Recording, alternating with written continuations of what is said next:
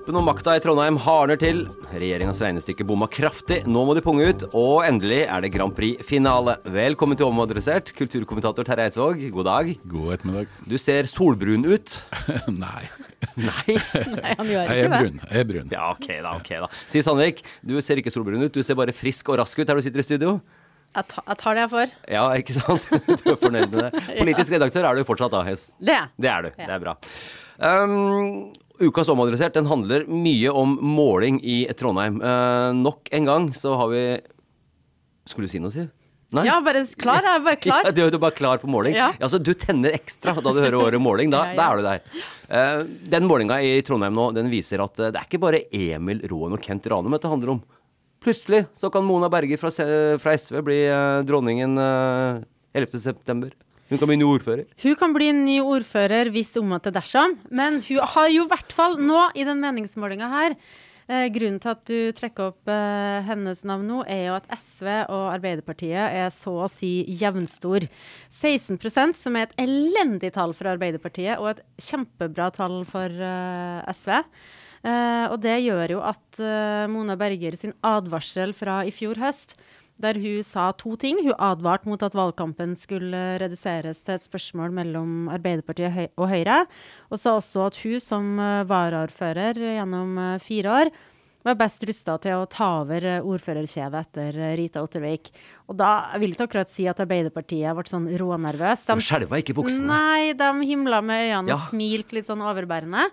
Men jeg tror ikke de smiler overbærende av den målinga her, sjøl om de er hellig overbevist om at det her ikke blir valgresultatet. og at de, nok, de tror jo at de egentlig ligger høyere enn eh, 16 for ulike målinger viser jo ulike ting. Det må vi jo ha med. Jo, Og, og skulle Mona Berger bli ordfører, så tror jeg jeg kan slå fast at det vil være første gang i historien at en søsken av en topp fem-finalist i den internasjonale finalen i Melodi Grand Prix blir ordfører. Det tror jeg aldri har skjedd før i så fall. Det har jeg ikke sjekka.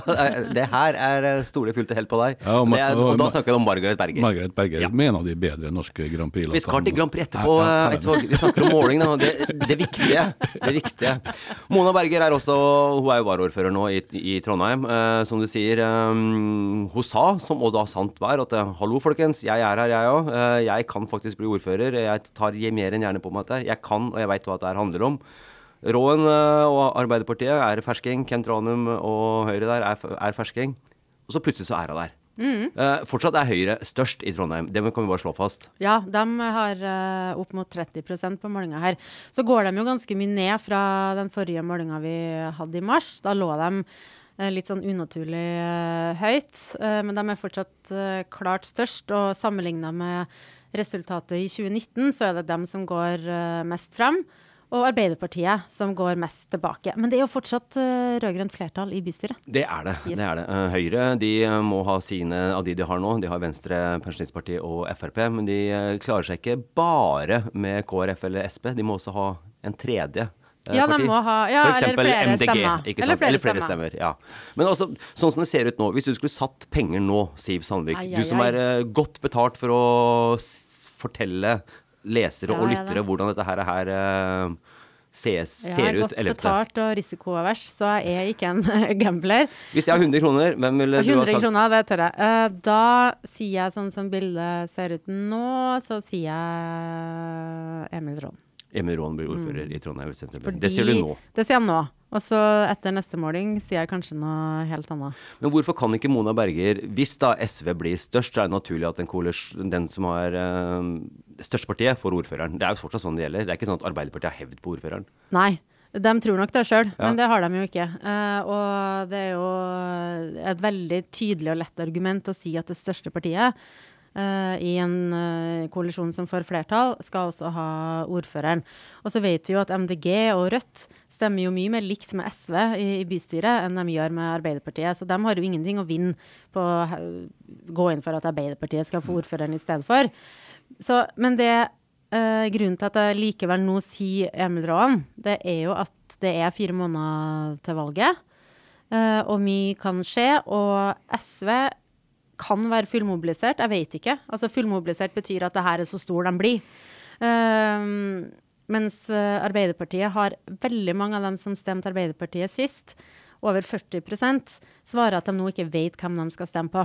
Og det er en ganske, i valgkampsammenheng, den lette gruppa å hente tilbake. Mens Høyre de har veldig mange velgere som de henter som ikke stemte forrige valg. Uh, og det kalles mobiliseringsprosent i meningsmålingene. Og det er jo veldig fint og flott, det, men den gjengen som ikke stemte sist, de har en tendens til å ikke stemme nå heller. Så de er litt mer sånn, litt mindre verdt, da, i sånne målinger. Så, og det gjør at uh, Arbeiderpartiet har uh, mindre grunn til å bli helt panisk. Jeg syns de tar det litt vel langt.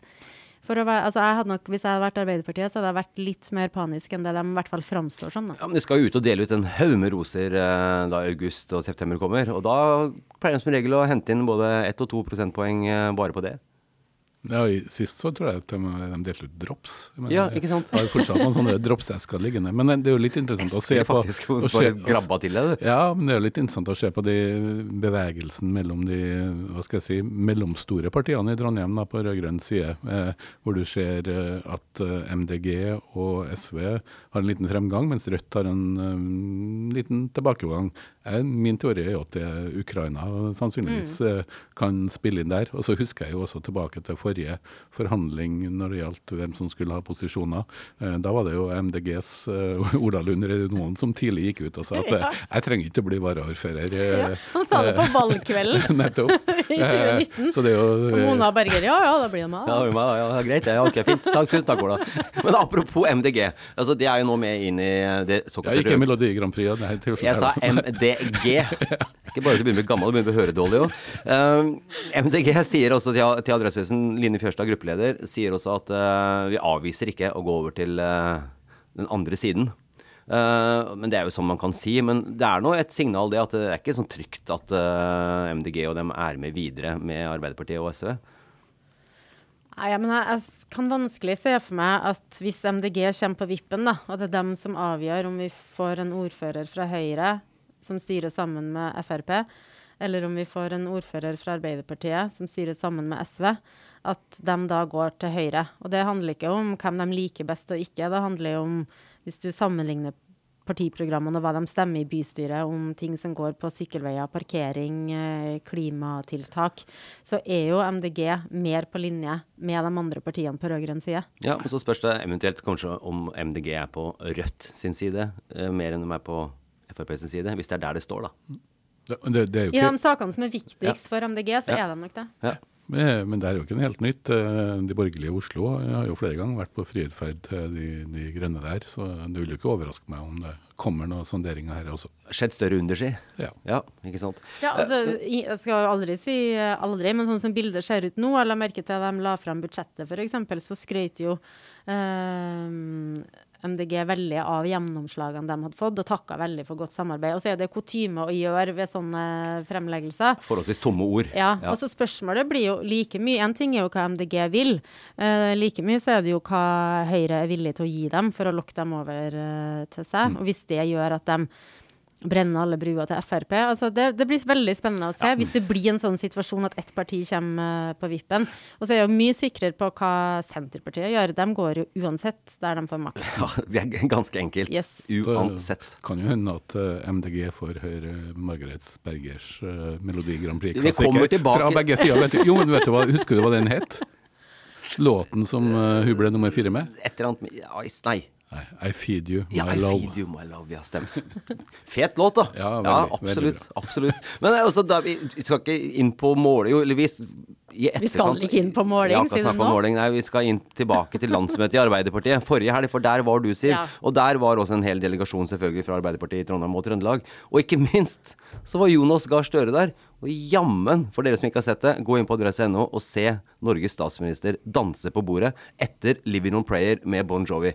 Jeg sjøl har personlig gjort det flere ganger, men det, jeg vil påstå at det er forskjell på meg og en statsminister i Norge. Ja. Jeg syns det er helt nydelig. Slags, uavhengig av parti. Jeg var jo ikke i, på dansegulvet da, fordi jeg er aldri på dansegulv på sånne landsmøter. Uh, for jeg er livredd for at en eller annen tredjekandidat fra Innlandet skal be meg, be meg på sving. Hvorfor kan, akkurat Innlandet? Nei, men jeg kan ikke sving. de danser mye sving. Dette er en fordom. Uh, og i Trøndelag også, Men jeg kan ikke. Jeg, jeg syns sånn pardans med folk jeg ikke kjenner, er kanskje det kleineste i hele verden. Jeg kan jo bare se for meg bildet av Sandvik og Sandvik på Arbeiderpartiets landsmøte. Tore Sandvik tror jeg aldri har bedt meg opp til dans. Han er, han er ikke typen til å spørre. Ja, litt seint Journalister om slikt. litt sent ut på natta, altså. Nei, det tror jeg ikke. mye som kan skje. Men i hvert fall, jeg sto i uh, baren og snakka. uh, og så uh, kom min eh, kollega ut etterpå og sa Jonas Gahr Støre dansa på bordet. Og da hadde jeg jo sett at han var i slaget, og da mener jeg ikke liksom i, på fylla, men at han var veldig, veldig glad, da. Og dansa masse. Og så hadde han under en sånn jenka Ja, altså, bare, vi, vi stopper litt der. Uh, Living on Prayer, det er ikke noe jenka-dans, bare det er Nei, sagt. men- det, bare, det er ikke lov. Altså, landsmøtedansing er kleint. Ja, Ja, så da blir det ofte jenka, da.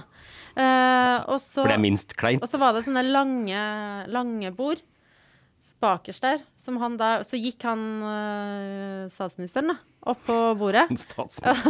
Så, men dere, når dere går inn på adresse.no og ser denne videoen, så må dere se den mange ganger. Dere må legge merke til hun Securitas-vakta som kommer fra sida. Og hun, enten så vet hun ikke hvem han er, eller så gir hun blankt F. For hun springer bort, og hun sier ikke sånn hei, hei, unnskyld, um, helst ikke dans på bordet. Du ser bare på hele kroppsspråket at det er sånn Nå kommer du Ja, han mannen der skal ned fra bordet. Nå! For det er en egen rase som Securitas-vakta. De gjør en viktig jobb, men de har en egen måte å si fra på, som kommer veldig tydelig fram i den videoen. Og da sier jo statsministeren ja, ja, ja, så går han rolig ned.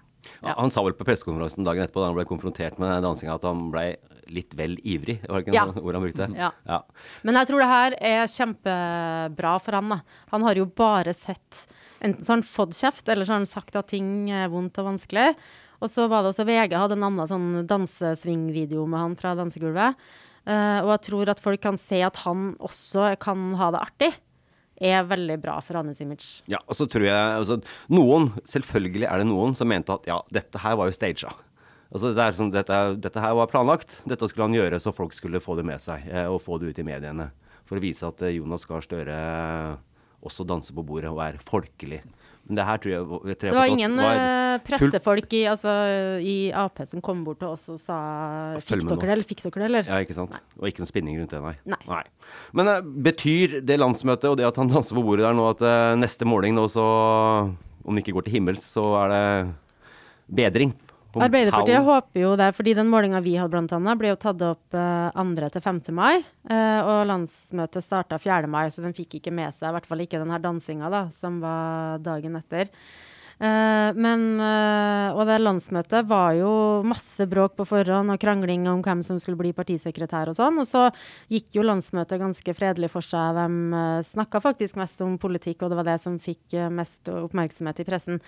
Så det har i hvert fall ikke gjort det verre for Arbeiderpartiet. Men jeg tror det er viktigst internt at de som skal gå ut i kommunene og drive valgkamp, nå faktisk føler at de uh, har noe med seg i, i kofferten som de kan fortelle velgerne om, som ikke handler om uh, bråk. Har du med deg noe fra kofferten uh, fra sein kveldstid som du kan dele med lyttere, eller? Nei. Ah, Kjedelig. Ja, Kun nei, ingenting annet. Nei, men det er greit. Det er faktisk statsminister Jonas Gahr Støre som hadde med det artigste da, fra Ja, landsmøtet Ja, Han egentlig. hadde mye artigere enn meg Ja. på den festen. Og så har jo det landsmøtet som var uka før, skapt en ganske synes jeg, interessant debatt med mediekritikk om journalister på nachspiel eh, og med politikere. Hvilket landsmøte snakker vi om? Frp. Ja, ja. eh, Hvor jo ordførerkandidaten i Oslo eh, ble outa som eh, eh, utilbørlig oppførsel. Ja, han skal og- ha uh, slått til og befølt journalister. og, på og, nachspiel. og der har jo også nå flere utafor pressen uh, stilt kritiske spørsmål til, til det her, eh, hva skal jeg si, samrøret. uh, gjerne på, på nachspiel, på en type evenement som landsmøter. Og jeg, jeg syns jo det er gode og betimelige spørsmål. Jeg syns det er bra også at eh, mediekritikken på det ikke kommer utafor pressen. Og så ser man jo at uh, politiske journalister forsvarer den formen Ja. for Ja. kildepleie. For du mener at politiske journalister ikke skal være med på nachspiel sammen mener- med politikere? jeg, jeg, det er jo ikke noe Du har aldri vært det- på nachspiel med en musiker som Jo, kulturjournalist? Jo, kulturminister, for den saks skyld. Uh, Så det uh, skal jo ikke fremstå som skinnhellig. Men jeg mener at det er en gråsone som, Mm. som fortjener debatt og fortjener kritisk søkelys. Det er to ting med den eh, debatten. Jeg syns det at den oppstår eh, etter at eh, noen journalister skal ha blitt utsatt for eh, vold, jeg, gjør at jeg syns det er litt ubehagelig. Si at det hadde vært en voldtekt, da. Eh, skulle man da ha tenkt ja, men hva gjorde dere egentlig på det tidspunktet? Så jeg syns hele det bakteppet gjør at eh, jeg får litt piggene ut. Det viktigste her er jo at en politiker også har gått ut og sagt unnskyld for måten han oppførte seg på.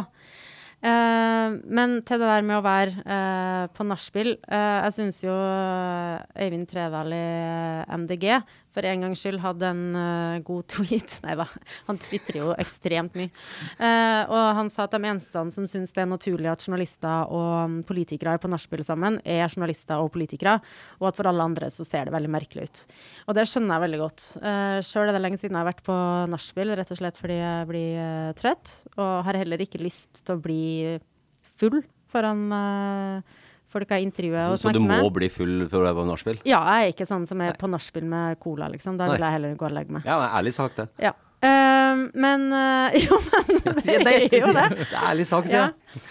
Så, men uh, det Grunnen til at det har blitt sagt at de var der på jobb, er jo ikke fordi de siterer noe fra det som skjer på det nachspielet, men når du skal få tillit til folk, og den tilliten den bruker du for å finne ut av ting, så må, er det en fordel å bli kjent. Det er som Marie Melgaard, eh, leder for eh, Presselosjen, sa i Dagsnytt 18, at hvis du sjøl har en eller annen kjempesak på jobb, du har en varslingssak som du mener media bør få vite om, så tar du liksom ikke og googler 'journalist Trondheim', og så ringer du den første du får opp. Du ringer noen du stoler på. Og den tilliten får du gjennom, først og fremst gjennom å være en god og etterrettelig journalist. Men du får den også gjennom å prate skit og bli litt kjent. Ikke venner, men litt kjent. Og den type kildearbeid den skjer over kaffekopper i Stortinget og på rådhuset og rundt omkring. Og den skjer også eh, på nachspiel. Men her er jo snakk om nachspiel på et landsmøte, der det er veldig klart at politikeren er politiker og journalisten er journalist. De har jo ikke ringtes hverandre og sagt hvor ute i kveld, hvor, hvor er det nach? Det er jo en veldig avklart ramme rundt det. Ja, altså, jeg skal innrømme det. Jeg har vært på nachspiel med politikere. Eh, både på landsmøtet og andre årsmøter hvis det er sånn at man skal det. det legger ikke skjul på det. Og jeg er litt, veldig enig med det du sier der. Eh, det er, det er også et uh, kildeforhold man kan pleie på et nachspiel. Man trenger ikke ha tolv i promille for å være på nachspiel. Nei, jeg, har også vært på nachspiel, men jeg mener at det er at vi som ser der innenfra, har godt av noen kritiske mm. blikk utafra. Og, og, det er mange situasjoner hvor det her, kan, eh, hvor det her gir god grunn til å diskutere, for det, det er jo en gråsone. Det kommer du ikke bort ifra. Det kan du ikke forklare deg bort ifra, selv om du journalist heller, mener jeg da. Eh, nok nachspiel, nok måling. Nå skal vi over på verdens kuleste ord, revidert nasjonalbudsjett. ja, det. Ja, det skal du få lov til å forklare. Hva i all verden er det, Siv? Nei, det er jo eh, der uh, kartet tilpasses uh, terrenget. Altså i statsbudsjettet så er det en masse anslag. Uh, altså kvalifiserte gjetninger på Statsbudsjett legges fram da høst hvert år. Ja, og det er for, for, året som kommer. Ja. Så i statsbudsjettet for eh, 2023 så kom uh, regjeringa med bevilgninger og skatteendringer, alt det der. Og så skjer jo verden. Eh, ting kan bli mye dyrere enn de trodde skulle bli. Det kan komme mange flere flyktninger enn de trodde skulle komme. Og de eksemplene her er jo ikke tilfeldig. og da kommer de i mai hvert år. Eh, med et revidert nasjonalbudsjett, der de sier oi, her må vi gi litt mer penger. Det uh, er jo gjerne det de gjør, da. Uh, og, oi, oi, oi, det, det, prosjektet der, det må vi kutte. Det har vi rett og slett ikke råd til nå. Uh, sånne type ting for å få det de vedtok i, etter statsbudsjettet ble lagt fram, til å faktisk kunne bli realisert. Da. Og Det som jo har vært den store skismaet de siste årene, er jo at man, man, lager statsbudsjett, så legger man ut en beregning hva tror man blir prisstigninga neste år. Ja. Eh, og de siste årene pga. eh, krig, eh, strømpriser, mye annet, så har man jo bomma på de anslagene i og med at prisstigninga har blitt mye større enn det man har beregna. Det har jo gjort at, det, at utslaget her har blitt mye større enn det vanligvis blir. Ja, Regjeringa har også økt oljepengebruken med 56 milliarder kroner. Ja, 56 milliarder. Det, hvor, det høres veldig mye ut. Hø, høres jo veldig mye ut. Tenkte jeg skulle forklare det både til Ikke forklare det, men illustrere det både med et eksempel knytta til Siv og et til Roy Tommy. spent. 56 eh, milliarder er faktisk ganske nøyaktig så mye mer som norske menn i fjor hadde i kapitalinntekter mer enn kvinner. Kapitalinntekter er eh, renteinntekter, eh, aksjeinntekter, inntekter som av gevinst av eiendommer. Eh, så det var faktisk nøyaktig det summen som var forskjellen mellom kapitalinntektene mellom, mellom kvinner og menn i fjor. Den var kanskje mest tenkt til Siv og til Roy Tommy. Ja, jeg har bidratt meget lite til akkurat den biten der. Nei, men Om noe. 56, 56 milliarder, det er faktisk det pålitelige kilder vil ha- mm, mene var det budet som sjeikene i Qatar kom med for å kjøpe Manchester United for noen eh, måneder siden. Eh, Da kan, da, da kan jo jeg som Liverpool-supporter si at det er ikke i nærheten er verdt 56 milliarder kroner, denne klubben der. Men det er en helt annen skål. Ja. Men det er omtrent eh, verdien av Manchester United som uh, regjeringa har plussa på eh, budsjettet nå i dag. Også. Men, men betyr det noe for meg og deg og vi? De 56 milliardene, eller er det som det store ute det store til kommuner eh, som skal spre Ja. litt rundt? Uh, Ukraina som uh, da dessverre har kommet inn? Altså, det betyr jo ikke så mye sånn vi får så og så mye mer må vi betale for uh, i skatt eller sånne ting. Men det betyr jo mye i den forstand at når lønnsveksten er mye større enn det de la til grunn, så vil jo politi, sykehus, all, all velferdstjenester vil jo få mye mindre penger igjen. Altså De vil jo da i realiteten få store kutt. For lønna til folk må de jo betale. Og det som da er igjen å bruke på å rykke ut og, og operere, blir jo mye mindre hvis de ikke får mer penger i revidert. Så sånn sett så påvirker det jo hele velferdsmaskineriet, Al- som vi alle bruker. alle offentlige institusjoner eh, som trodde de skulle få omtrent, eller ble lovt at de skulle få omtrent like mye som de hadde fått året før, fikk i realiteten mye mindre pga. Av det her. Eh, så det, det gjør jo at eh, eh, vi får mindre tjenester for pengene, sånn som eh, situasjonen var. Når prisstigninga blir så mye større enn det man har budsjettert med. Ja, var det meg, ja? ja. Eh, Trondheim, eh, I det her så får Trondheim for eh, ca. 75 millioner kroner ekstra skatt og bevilgninger. Eh, så sier bl.a. Som Emil Raan, hvis han blir ny ordfører i Trondheim, at det her skal brukes på skole og eldre.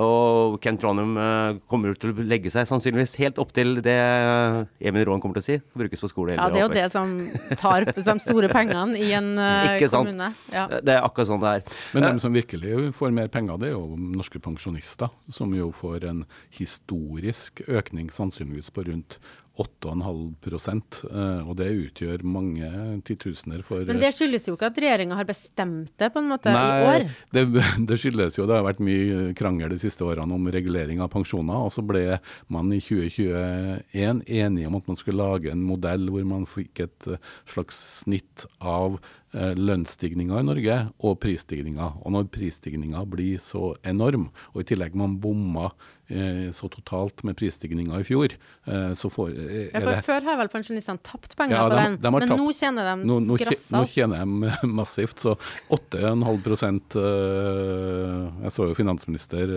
Slagsvold Vedum sa at det er dem vel unt, men etter at det har vært mye berettiga også krangel på mindre kjøpekraft år for år for pensjonistene, fordi at de mener at de har blitt underregulert, så, blir de nå, så får de nå, drar de nå fordel av prisstigninga og det systemet med å kombinere prisstigning og lønnsstigning. Nesten så du skulle ønske at du var pensjonist nå. Terje. ikke, ikke helt. Og så tar de også ekstra, en ekstra prisjustering, som det heter, på trygdeytelsene, som gjør at uh, i stedet for å vente, så tar de det nå. Og det gjør også at de som uh, har, går på uføretrygd f.eks., hvis jeg har skjønt det rett, også da får mer. Høres jo veldig fornuftig og greit ut, spør du Ja, meg. Ja. det syns jeg. Eh, spørsmål til deg, politisk redaktør Siv Sandvik. Vet du hvem Alessandra Mæhle er? Eh, Alessandra, det er hun som er i den, den norske Hun er den norske i eh, Jeg skulle til å si Det er så- MDM. Det er så, det er så flaut, her, Eidsvåg.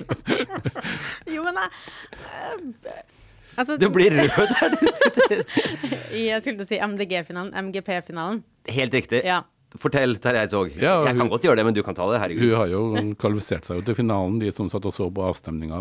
Og ikke minst programlederen ble jo skikkelig nervøs her på, Og på replikk, tirsdag. replikk fra Jo, men bare si, det her er liksom mitt liv, eh, og grunnen til at jeg ikke har fått med meg det her. Fordi jeg hørte nemlig jubelen av det som Jeg sykla forbi et vindu eh, i Midtbyen, og så jubla de. Tenkte jeg en fotballkamp nå?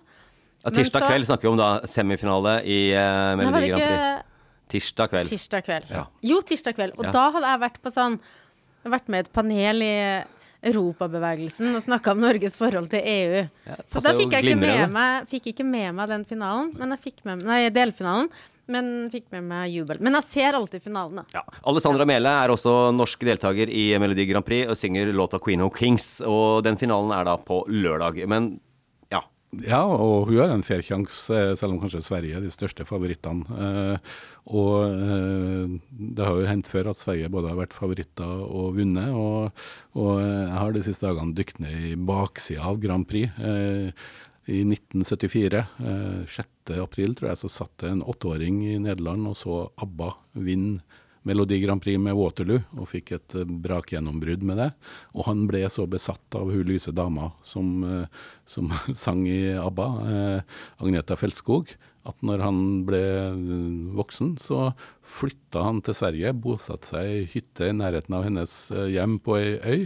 Og, eh, og rett og slett eh, stalka, men også eh, kom i kontakt med henne. Og, og eh, i en rettssak i, i 2000 så bekrefta vel Agneta også at hun hadde vært i et slags forhold med han, men brøyt med det. Og siden så har han bare fortsatt. Så det, Ja, for han mener vel at det forholdet, det er ikke over. ikke, fra, Det hans, fra hans side. Så han Ja. er jo et sånn klassisk eksempel på en stalker, eller en personforfølger, men også eh, et eksempel på når fankulturen sporer av. Og nå kommer dokumentarfilmen om han. Eh, Agneta har prøvd å stoppe den, men den eh, kommer på Amazon pluss eh, rett over helga nå. Og den, eh, den er et skremmende bilde av hva skal jeg si, de verste konsekvensene av en Grand Prix-finale som jeg har sett. Ja, Selv så om alle foreldre som har en eh, sønn eller datter i påvirkelig alder som blir litt vel stille og får litt vel store øyne når de ser en eller annen artist, vær på vakt. ja for I det hvert fall hvis de noen år etterpå sier at de skal flytte til det landet for å lære seg liksom bulgarsk. men, men, Bulgar. men, men stalking er jo et du følger definitivt ikke med på Grand Prix. Men Det er greit, det, altså. Men bortafor Grand Prix så er jo stalking et alvorlig samfunnsproblem, Ja, som, som Norge også har, eh, har tatt tak i og innført i, i lovverket. Der heter det juridisk personforfølgelse. Eh, og statistikken viser jo at det er, er nesten uh, bare menn. Uh, det er noen få eksempler på Sjokk kvinnelige stalkere òg. Og særlig menn som har vært i forhold og blitt avvist, Ja. er på en måte den, den, den klassiske stalkeren. Da. Men, ja, da- Men, men, altså, da du så ABBA i 74, eh, du var vel rundt åtte-ti år du Jeg òg, var Eidsvåg? nøyaktig like gammel som den her Ja. stalkeren som heter Gert van der Graaf, Ja. faktisk. Selv om jeg Gert. vil Kan du i ettertid skjønne at han Hold alt det kriminelle og det der, øh, ekle, øh, men liksom da du ser Agneta som en sånn flott person på 70-80-tallet Ja, jeg likte jeg, jeg må innrømme at den første plata jeg kjøpte med, LP-plata, det var med ABBA i 1976. Ja. Men, men, eh, men i motsetning til Gert, så tapetserte jeg aldri gutterommet mitt med, med, med ABBA og Agneta-bilder. Det var mer fotballstjerner som var der da. Men de aller fleste er jo dypt fan av noe i tenåringen, også, Ja. også jenter. Ja, ja, ja. boyband- Jared Leto. Ja, boyband eh, og alt. Men de fleste vokste jo av seg på et vis når du kommer i slutten av tenåringa. Altså, jeg hadde jo en ekstrem henger på Tom Cruise av alle, og nå Ja, er jo det bare ekkelt å tenke på. Men du, du kunne jo tenkt at det var Johnny Logan. Ja, du, du hadde vel Jahn Teigen? Eller noe? Selvfølgelig var Jahn Teigen. Eh, Vi fikk streng som- beskjed, vi skulle ikke snakke om Jahn Teigen, sa Nei, jeg prøvde å få en sending der hans navn ikke ble nevnt. Nå var det ikke jeg som tok det, det var han. Ja. Ja. Men det, altså, det som er med stalking, er jo at um, det er så vanskelig å bevise. For de har jo lest den rystende saker som særlig NRK har vært veldig god på det. Der folk eh, ender opp med å flytte til en hemmelig adresse. eh, fordi de har en eller annen creepy fyr, da. Som eh, følger etter dem når de går til T-banen, står og venter på dem når de kommer hjem. Alltid er på butikken når de er på butikken, og bare ser på dem. Og så, og så sier jo de nei, jeg bare går den turen tilfeldigvis. Det er veldig vanskelig å bevise, og så er det jo sikkert begrensa ressurser i politiet til å følge etter på det, så lenge de ikke er truende i ord eller handling.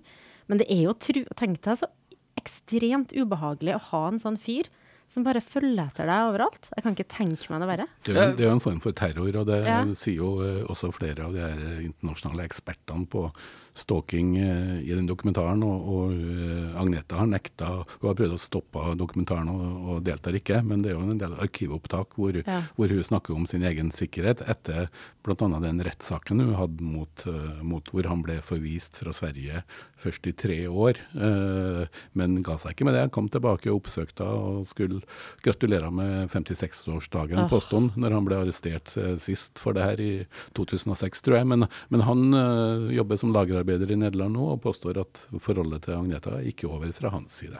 Høres ikke bra ut. Kan jo, Mens vi snakker om stalking, så har jo Adresseavisen for en tre år tilbake hadde en ja. stor og flott uh, prisvinnende um, journalistisk uh, reportasje om stalking og trønderske kvinner som opplevde det. Ja, for det viser jo særlig noe med sosiale medier, hvordan stalking kan brukes også der. Og, og at du trenger ikke å være kjendis for å bli utsatt for det. det, det kan skje både meg og deg, Siv. På ingen måte. Og det, og det, det er jo det vanligste, eller jeg tror anslagsvis 50 90% av de som uh, anmeldes for, for stalking, personforfølgelse, da, det er avviste menn etter samlivsbrudd. Tenk deg så mye bedre verden hadde vært hvis menn hadde håndtert seg og bli avvist, lært seg å håndtere og bli avvist av en kvinne. Ja, det er vi helt enige om. Uh, før du skal reise til uh, sydligere breddegrader, Eidsvåg, skal vi selvfølgelig til Cannes den der mannen som sitter rett over oss. Så skal du få lov til å komme med en siste anbefaling før du reiser til Frankrike. Ja, noe så hyggelig og så sjeldent som en god romantisk eh, komedie på film. Det er jo hey, en, sier Siv Sandvik. En sjanger eh, hvor det er langt mellom eh, dramaene eh, på kino i alle fall. Men nå har det kommet en veldig lovende debutfilm som er på, på Disney pluss. Den eh, heter For Rye Lane og eh, handler som start, starter med et samlivsbrudd. En, en, en mann som sitter på do han har blitt av, av, avvist, som du sier. ja. Og han sitter på do og gråter, og så er det ei dame som eh, Typisk mannfolk. Som, jo, men det er jo den beste måten å håndtere det på. Ei ung dame som hører han og, og hjelper han å manne seg opp, som jeg nesten har lyst til å si. Eh, en veldig sjarmerende film fra, fra, London, og fra en del av London som du aldri, jeg aldri har sett noen romantisk komedie fra, nemlig bydelene Peckham og Brixton, som jo er i Sør-London, og uh, området som turister ofte ble advart mot å bevege seg i. Og det er veldig fint hvordan den her bruker her i en sånn uh, romantisk komedie som er sjarmerende, godt artig spilt, og sannelig dukker Mr. Low actually Colin Firth også uh, opp i en liten birolle som burritoselger i ei bu her. Uh, så Rye Lane er en sjarmerende engelsk debutfilm og en romantisk komedie som jeg kan anbefale. På Disney pluss. En, en romantisk komedie fra England uten Hugh Grant? Uten Hugh Grant. Det er jo nesten Kristi taket. ja, det er Kristi taket. Det. Men det er nydelig. Det her gleder jeg meg til. Eh, god tur til Cannes. Vi ses neste uke, Vi Siv Sandvik. Og uh, kos dere i helga.